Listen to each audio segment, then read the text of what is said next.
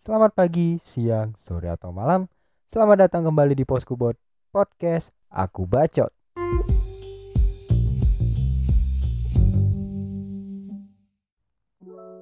Halo sobat Poskubot, selamat datang kembali di Poskubot Podcast Aku Bacot yang selalu menampilkan cerita-cerita menarik di seputar kehidupan kita di 20-an awal ya atau bisa dibilang kuliahan lah ya. ya gimana teman-teman kabarnya? Uh, gue harap kalian juga punya kabar yang baik sebaik gue. Karena ya akhirnya teman-teman uh, cerita berlanjut dari episode sebelumnya. Akhirnya gue udah yudisium dan uh, bisa dibilang unofficially lulus lah ya teman-teman. Dan sekarang gue juga udah bisa napas sejenak uh, dari berbagai masalah-masalah perkuliahan itu. Uh, terutama waktu bikin skripsi ya teman-teman. Itu rasanya kayak hmm gimana ya? Pasti kalian punya cerita-cerita masing-masing lah soal skripsi dan berbagai struggle-nya dan apa ya setelah ngerasain semuanya setelah ngelewatin semuanya pasti ada rasa puas gitu dan rasa sadar kalau skripsi ya yang kita tulis kayak apaan sih? gitu. Kalian pernah ngalamin gitu gak sih? Kayak ternyata setelah kalian baca ulang skripsi yang kalian bikin itu ternyata tidak nyambung tidak jelas. Tapi kita berusaha meyakinkan para dosen penguji di saat sidang. Dan setelah kita baca setelah beres sidang ya kita baru sadar kenapa dosen penguji bertanya yang macam-macam. Tapi um, gue jujur senang banget teman-teman. Uh, mungkin untuk skripsi gue kemarin sedikit cerita uh, skripsi gue termasuk salah satu yang uh, lebih sulit untuk dikerjakan gitu. Uh, karena banyak faktor uh, termasuk uh, lokasi penelitiannya terus juga topik yang gue ambil termasuk uh, dosen pembimbingnya. Cuman ya I made it akhirnya meskipun uh, mungkin gue termasuk orang yang skripsinya lumayan sulit ya. Dan momen pas yudisium setelah gue sidang itu apa ya jadi momen yang memorable gitu kayak uh, di situ kita ngerasain kita feeling invincible kita feeling apa ya percaya diri banget gitu. Karena ya uh, itu momen di mana lu berbangga diri dengan diri lu sendiri gitu. Dan di kampus gue cukup unik teman-teman. Jadi uh, kita tuh sidang dulu sidang sama penguji sidang akhir lah istilahnya. Tapi uh, setelah sidang tuh kita nggak dikasih tahu hasilnya gimana. Nah hasilnya adalah ada di nanti di yudisium dan setelah gue tanya-tanya teman gue yang lain katanya sih biasanya abis sidang udah dikasih tahu ya lulus enggaknya. Cuman kita itu dibiarkan berwas-was ria selama sebulan kalau nggak salah sebulan atau beberapa minggu setelah sidang uh, akhirnya kita dikumpulin di suatu tempat kalau di gue kita uh, dikumpulin di convention ya dan nama kita tuh dibacain satu-satu uh, berdasarkan IPK. Jadi itu momen-momen yang mendebarkan banget gitu menurut gue karena ya uh, di situ kita bisa lihat gitu dan merasa bangga di saat yang sama di saat nama kita itu dibacain. Apalagi buat teman-teman yang dapat IPK gede dengan pujian ataupun yang kemarin uh, skripsinya tanpa catatan. Pasti itu membanggakan banget gitu. Dan di situ ada momen tegang haru dan juga sekaligus bangga. Jadi uh, kalau gue pribadi ya uh, waktu nama gue dibaca gue rekam itu gue foto itu gue kirim ke orang rumah orang yang menurut gue harus mendapatkan kabar itu pertama. Jadi kayak banyak gue ngelihat momen orang-orang mengabadikan momen tersebut dan ya ngasih ke teman sahabat ataupun keluarga. Dan itu momen yang haru banget menurut gue jadi kayak kerasa banget gitu struggle yang kita hadepin akhirnya worth gitu. Dan setelah itu kita melakukan ritual yaitu foto session yang memang uh, jadi tradisi ya gimana kita bikin banner dengan berbagai macam model dan yang unik-unik gitu. Terus ada yang aneh-aneh dan nyeleneh bersama circle pasangan atau sahabat kalian dan itu menurut gua udah jadi budaya ya.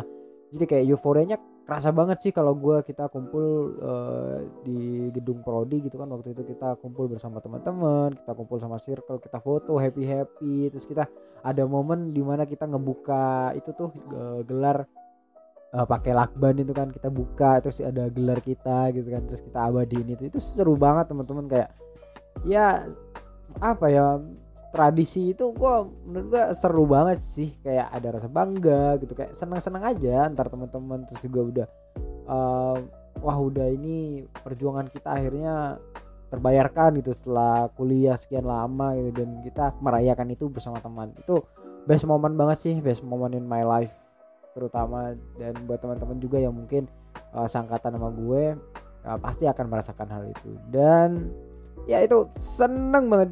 Rasanya hari itu tuh kalau bisa jangan cepet-cepet berakhir lah ya karena euforianya beneran yang kayak udah beban itu udah lepas semua gitu dan kita merayakan itu dengan sukacita. Cuman uh, setelah itu tuh setelah tradisi foto-foto ini tuh mulai kerasa tuh. Mulai kerasa kalau kehidupan indah kuliah ini udah mau habis dan kita mulai merasakan hal-hal yang kayak feeling stress, feeling lonely dan itu menurut gua akan dialami oleh semua yang apa yang kuliah dan melakukan hal itu ya. Kayak um, besoknya atau mungkin malam setelah kita merayakan itu mulai ada pikiran kayak wah ternyata ini udah mau akhir ya. Ini udah mau jadi akhir dari perkuliahan gue, akhir dari gue ketemu teman-teman, akhir dari kehidupan kampus gue yang ternyata lebih berat kehidupan setelah kampus gitu daripada uh, kehidupan selama di kampus meskipun sesulit-sulitnya skripsi, secapek-capeknya ngampus kerjaan, uh, tugas, I mean dan juga organisasi yang mungkin kadang ada naik turun ya, ada seneng, ada duka. Tapi setelah lewat hari itu gue ngerasa kayak kehidupan kampus itu ternyata tidak sesulit itu gitu karena kita akhirnya dihadapkan dengan banyak orang bilangnya the real world ya yang ya inilah dunia yang sesungguhnya gitu ya sebenarnya lebih enak sekolah daripada harus uh, menjalani kehidupan setelah sekolah. Dan yang paling kerasa sih buat yang ini ya ngerasa kalau udah nggak ada temen jadi kayak teman pada pulang kampung terus pada balik ke rumah masing-masing lah terutama buat orang-orang yang memang uh, asli situ dan temannya itu adalah perantau gitu kayak mulai kehilangan nih eh, sosok-sosok yang nemenin mereka udah balik ke rumah masing-masing untuk uh, waktu yang belum bisa ditentukan dan gak ada jaminan lagi mereka akan ketemu lagi. Terus juga uh, gak ada lagi nongkrong-nongkrong gibah yang biasanya bisa dilakuin hampir tiap malam gitu kan. Kayak gabut kita nongkrong gabut kita ngobrol dan itu bakal terasa itu udah mulai hilang sedikit demi sedikit gitu teman-teman. Dan juga uh, mungkin ada yang uh, temannya udah pada hilang. Jadi um, yang awalnya baik-baik aja komunikasinya di pas kuliah terus tiba-tiba there is something yang bikin kalian udah feeling like stranger dan itu mungkin ya cukup normal lah gue rasa teman-teman. Ya people come and go. Jadi uh, itu pasti ya sedikit banyak kalian akan ngalamin hal-hal tersebut lah. Terus juga udah mulai ngerasa sepi kayak ngerasa lu cuma punya diri lu sendiri sekarang lu nggak merasa eh, nggak uh, sendiri kalau di kuliah. Lu kehilangan orang-orang yang bikin lu terus ngerasa happy dan gak sendiri. Dan itu apa ya itu juga termasuk fase kehidupan sih teman-teman. Uh, kita akan melewati itu. Jadi ada temu ada pisah. Jadi ya gua rasa nikmatin aja lah fase itu. Karena ya kita juga nggak mau terus-terusan di fase-fase begini kan. Kita harus moving forward jadi ya kita rasanya akan lebih dewasa melalui fase-fase seperti ini. Dan sesuai kata Halsey di lagu East Side we taking life more seriously yang mana ya tuntutan hidup udah makin banyak kita udah harus mulai lebih serius lagi dalam kehidupan ini kayak udah mulai mikirin hal lain seperti karir ataupun lanjut studi ke jenjang lebih tinggi. Karena ya memang uh, hidup harus marching forward lah seperti slogan kampus gue. Yang tahu-tahu aja lah ya. Dan apa ya gue ngerasa kayak hal-hal ini tuh kadang bikin FOMO gitu. Kayak misalkan lu punya rekan-rekan atau teman-teman yang kelihatannya lebih cepat sukses daripada kita gitu. Kayak wah ternyata jalan hidup orang ini tuh cepet banget ya. Kayak lulus kuliah karirnya udah langsung bagus. Atau mungkin udah lulus kuliah kayaknya dia nggak ada beban ya. Hidupnya bagus hal baik selalu datang ke dia. Dan itu kadang kita tuh merasa FOMO gitu. Dan perasaan-perasaan ini inilah yang selalu gue bilang kalau growing up it sucks gitu. Menyebalkan memang. Karena ya itulah fase hidup gitu. Kayak misalkan um, di waktu awal kuliah masalah kita itu adalah gimana kita settling in bagaimana kita mempertanggungjawabkan apa yang kita pilih terus juga uh, khususnya teman-teman yang merasa salah jurusan itu gimana cara kita uh, untuk maksain meneruskan apa yang kita mulai gitu itu masalahnya di situ tapi setelah keluar ada fase hidup lagi uh, yang bebannya itu menyesuaikan. Kayak misalkan di semester 1 2 mungkin kalian susahnya adalah settling down. Naik lagi semester 3 4 adalah menyesuaikan tugasnya.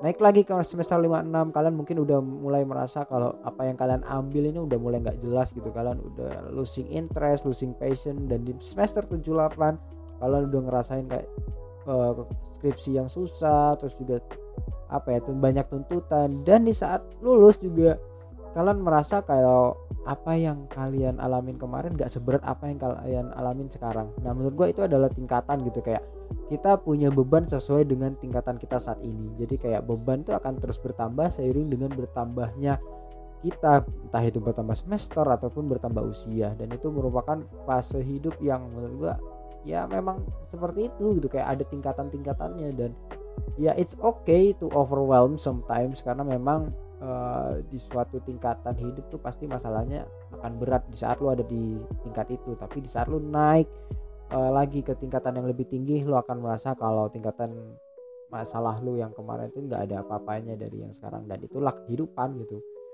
Cuman ya balik lagi ke FOMO tadi yang ngelihat rasanya timeline hidup orang lebih baik kayaknya ya meskipun gue juga pernah mengalami ya um, tapi gue berpikir kayak ada baiknya kalau kita kurang-kurangin FOMO deh teman-teman. Maksudnya ya memang melihat uh, kehidupan orang lain tuh kayak seakan-akan kita tuh orang yang paling apes di dunia gitu. Kayak seakan-akan timeline hidup kita tuh sangat berbatu sedangkan orang lain tuh tinggal jalan mulus gitu. Tetapi percayalah teman-teman kayak gue ngerasa kalau tiap orang tuh punya timelinenya masing-masing gitu. Kayak kehidupan seseorang tuh menyesuaikan dengan lingkarannya sendiri gitu. Nggak mungkin kita hidup kita tuh harus menyesuaikan uh, timeline dari orang lain. Tuh nggak mungkin. Meskipun terlihatnya kayak kehidupan tuh kayak sebuah garis hidup ya. Kita mulai lahir, sekolah, kuliah dan juga karir. Nanti selanjutnya kita berkeluarga terus juga kita di hari ketua. Seakan-akan hidup tuh punya timeline yang seperti itu. Dan patokan kita tuh kadang suka orang lain gitu kayak kita merasa akan lebih sukses kalau kita cepat-cepat dapat apa yang diinginkan gitu. Kayak misalkan baru lulus langsung dapat kerjaan baru lulus langsung punya gaji bagus ataupun baru lulus langsung punya jabatan tinggi. Dan itu seakan-akan itu adalah timeline hidup yang kayak berlomba-lomba sama orang lain. Dan gue juga pernah di fase itu kayak gue FOMO gue merasa gue nggak worth it melihat teman-teman yang ya setidaknya dibandingkan gue sendiri dia tuh lebih sukses gitu lebih cepat suksesnya daripada gue. Dan itu it sucks sih sometimes kayak ngerasa diri kita itu nggak bermanfaat diri kita tuh tertinggal. Terutama buat teman-teman yang baru beres yudisium nih yang nunggu sidang pasti ada ngerasa FOMO gak sih di saat teman kalian belum wisuda tapi udah dapat kerjaan duluan gitu. Terus juga uh, ada rasa merasa tertinggal gak sih di saat teman lu udah dapat kerjaan bagus padahal dia masih fresh graduate sama kayak lu? Dan semua hal kayak gitu tuh penyakit hati sih. Uh, I say. Karena uh, kita tuh selalu membandingkan diri kita dengan orang lain sampai lupa kalau kita sendiri tuh punya timeline sendiri gitu. Kayak misalkan let's say contoh teman lu si A. Si A itu uh, dia kuliahnya cepet lulusnya bagus dapat kerjaan lebih cepat dari lu. Tapi setelah lu jalanin setelah lambat laun waktu berjalan ternyata meskipun lu yang dapat kerjaan yang gak secepat teman lu si A ini tapi ternyata posisi lu gaji yang lu dapetin atau mungkin lingkungan kerja lu itu sangat nyaman jauh lebih nyaman dari dia yang mudah duluan kerja. Dan itu sering terjadi teman-teman dan kita sometimes suka lupa hal itu itu kayak ya mungkin orang akan lebih cepat dari lu tapi tidak menjamin orang itu akan sebahagia lu di saat lu mendapatkan hal yang sama gitu. Jadi buat apa ya buat gue sih fokus aja sama timeline masing-masing. Lu punya hidup yang gak akan sama dengan orang lain dalam hal apa pun jadi kayak let's enjoy the life gitu. Di saat lu punya kesempatan untuk have fun dulu gunakan itu kalau lu punya kesempatan bisa berkarir as soon as possible manfaatkan itu. Jadi ya eh, masing-masing aja lah. Jadi kalau lu selalu terkekang oleh pencapaian orang lain rasanya hidup lu tuh nggak akan pernah enjoy gitu. Jadi ya buat gue pribadi um, buat kalian yang udah bisa kerja as soon as possible good for you dan juga yang udah bisa langsung lanjut kuliah lagi mungkin ambil jenjang yang lebih tinggi oh, itu it's good for you too dan mungkin buat teman-teman yang belum ngapa-ngapain, belum dapat karir yang diinginkan, belum ada kelanjutan gimana nih habis kuliah mau ngapain. Jangan patah semangat karena ya timeline hidup kita kembali lagi semua itu akan indah pada waktunya. Jadi let's enjoy the life. Dan buat teman-teman saat ini nih yang sedang unofficially pengangguran. Ya sama gue juga sih sebenarnya teman-teman. Um, apa ya saling semangat aja saling introspeksi diri semakin dewasa kita pastinya kita harus self improve ke depannya karena ya yang bisa mengukur kesuksesan kita menurut kita ya kita sendiri. Kita jangan bandingin sama orang di sekitar kita jangan bandingin orang yang lebih tinggi dari kita. Bandingkanlah uh, kita yang kemarin dengan kita yang sekarang. Kayak di masa lalu lu ngerasa kayak lu kurang di masa lalu lu merasa kayak lu kayaknya nggak bisa sampai di titik ini.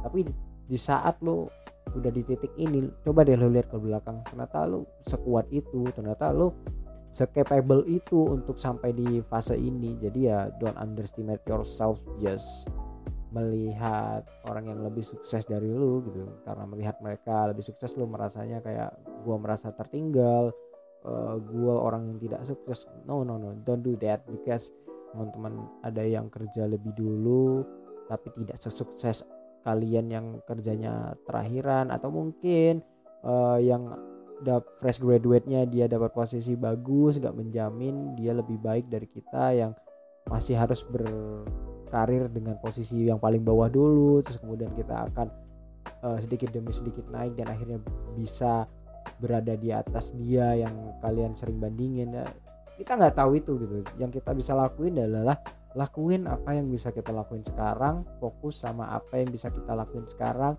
dan fokus sama apa yang sekarang kita punya. Jadi kayak uh, semangat jangan patah semangat cuman karena FOMO karena melihat seolah-olah orang lain tuh jauh mening meninggalin kita dalam hal kesuksesan. So ya klise sih tapi semangat aja lah karena ya di masa-masa seperti ini emang uh, beban hidup tuh makin tambah banyak uh, banyak tuntutan-tuntutan. Cuman buat teman-teman uh, semangat semoga nanti uh, setelah wisuda kita bisa uh, meraih apa yang kita inginkan dan mencapai apa yang kita ingin capai. Dan juga pas buat senang banget di saat kalian uh, bisa tumbuh bersama ya teman-teman. Karena uh, podcast ini berusaha menghadirkan sosok teman buat kalian yang mungkin gak punya tempat buat cerita atau mungkin merasa tidak ada yang relate dengan cerita kalian. Ya semoga lah cerita-cerita di sini itu bisa menghadirkan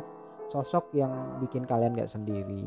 Dan ya gue berharap ke depannya uh, eh, gue bisa mengangkat isu-isu yang lebih relatable lagi khususnya di umur 20-an awal atau mungkin teman-teman kita yang masih kuliah. So tetap stay tune aja karena ke depannya bakal banyak cerita-cerita yang lebih menarik. So tetap stay tune di podcast ini. Peace out.